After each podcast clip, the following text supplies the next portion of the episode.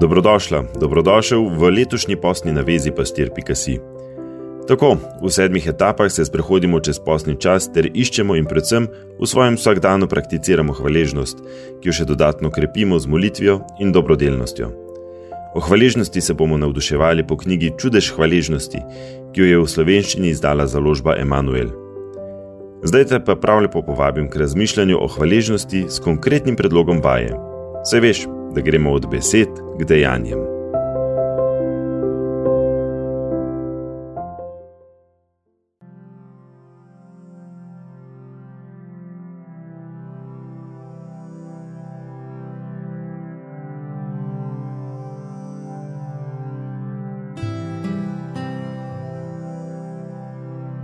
Etapa 3.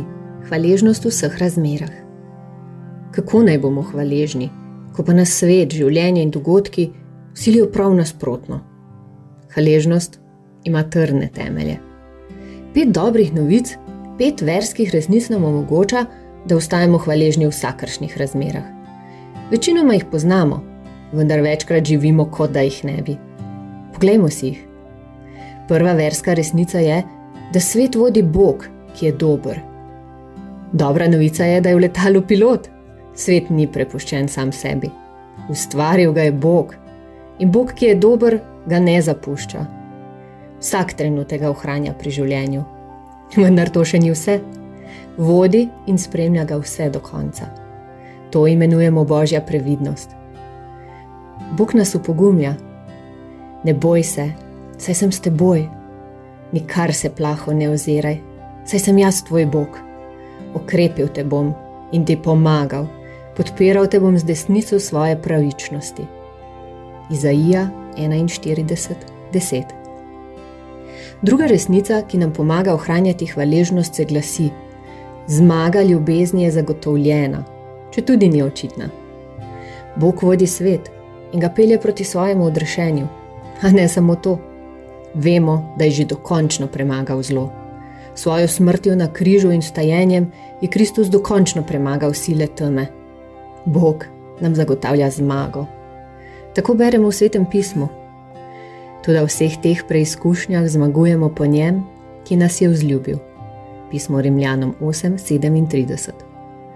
Božja zmaga ni nujno očitna, prav ko se zdi, da je vse izgubljeno, Bog uresničuje svojo zmago. Tretja resnica, ki nam pomaga ohranjati hvaležnost, je, da Bog v svoji vsemogočnosti tudi zlo preobrača v dobro. Način božjega delovanja nas pogosto bega. Bog zla ne prepričuje, vendar zlo in greh premaguje tako, da jo jemlje nase. Po svoji vsemogočnosti je Bog zmožen zlo preobrniti v dobro. Človek tega ne more storiti, čeprav ga njegov napuh prepričuje v nasprotnem. Samo Bog je zmožen tega. In najočitnejši primer tega je križ. Četrta resnica, ki nam pomaga ohranjati hvaležnost, nam zagotavlja: Bog me ljubi z večno ljubeznijo in me spremlja s svojim usmiljenjem. Ta resnica se nanaša na naše osebno življenje, Bog mene in vsakega človeka posebej ljubi z večno ljubeznijo. Z večno ljubeznijo te ljubim, zato ti tako dolgo izkazujem dobroto. Jeremija 31:3 Poleg tega nas Bog nenehno zasleduje svojim usmiljenjem. Vsa svoja bremena lahko izročamo Božjemu srcu in že jih izbriše. To je Božje odpuščanje, ki ga lahko prejmemo v zakramentu sprave. Spoved je najbolj neverjetna stvar, kar jih je. Peta resnica nas upogumlja.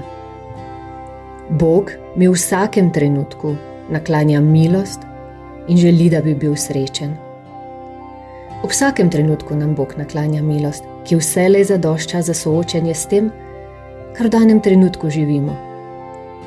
Kot pravi Psalm 23:1: Gospod je moj pastir, nič mi ne manjka.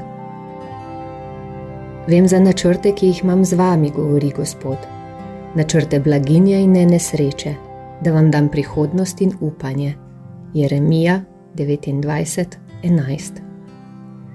Torej, nič nas ne more ločiti od božje ljubezni v Jezusu Kristusu.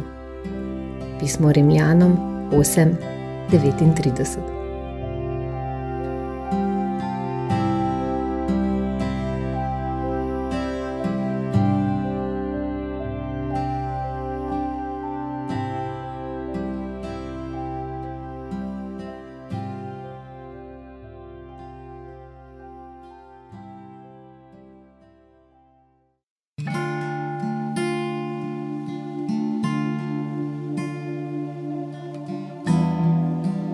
Proslavimo lepoto narave. Sprehajanje in opazovanje narave je ena najprimernejših vaj hvaležnosti. Privoščite si 20 do 30 minutni sprehod nekjer, kjer je narava osupljiva. Ves čas prehoda opazujte in se Bogu zahvaljujte za lepoto stvarstva. Gospodu se lahko zahvalite tudi za dar svojega življenja.